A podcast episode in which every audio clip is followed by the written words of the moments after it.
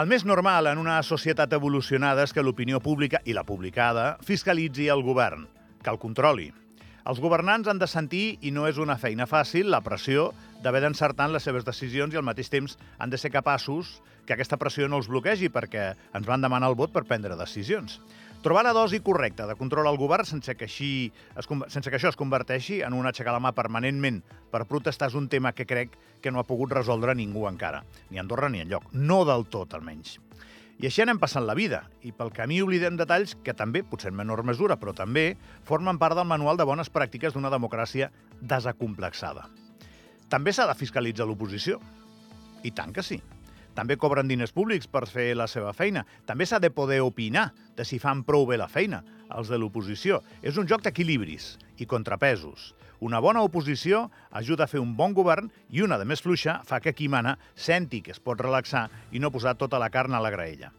Divendres ens va venir a veure Pere Baró, el president del PS. No menteixo, Gens, si us dic que em va semblar algú compromès amb les idees del partit i disposat a donar la cara per ell fins al punt de menjar-se un marronasso com la presidència després de l'adeu de Pere López i dels resultats que deixava eh, aquella situació.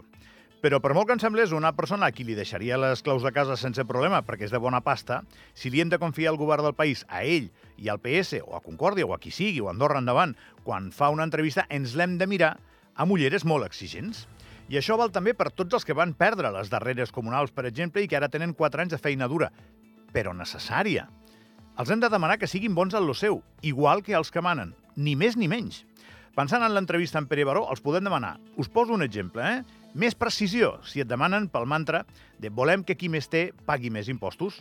Referir dels impostos, per exemple, això vol dir que del 10 passarem a un 15 o a un 20 jo crec que li hem de demanar que quan vingui una entrevista ho sàpiga i ens ho digui. Per què? Per poder confrontar models.